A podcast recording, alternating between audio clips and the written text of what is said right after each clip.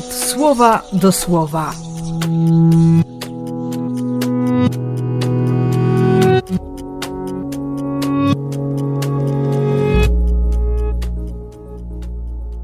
Czternasty września, czwartek podwyższenia krzyża.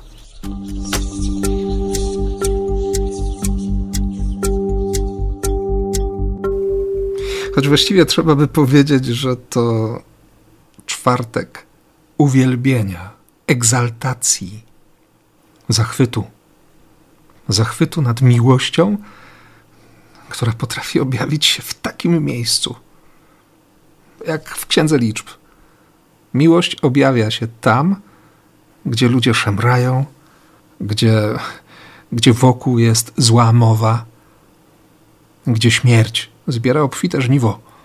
Właśnie tam objawia się miłość i miłosierdzie, bo trzeba zobaczyć swój grzech, po to, by zobaczyć, jak Bóg patrzy na grzesznika.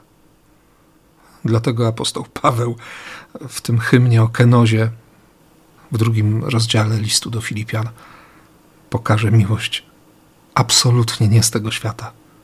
Bóg, który rezygnuje z wszystkiego po to, by nas pociągnąć do siebie, by żaden krzyż odtąd nie był beznadziejny.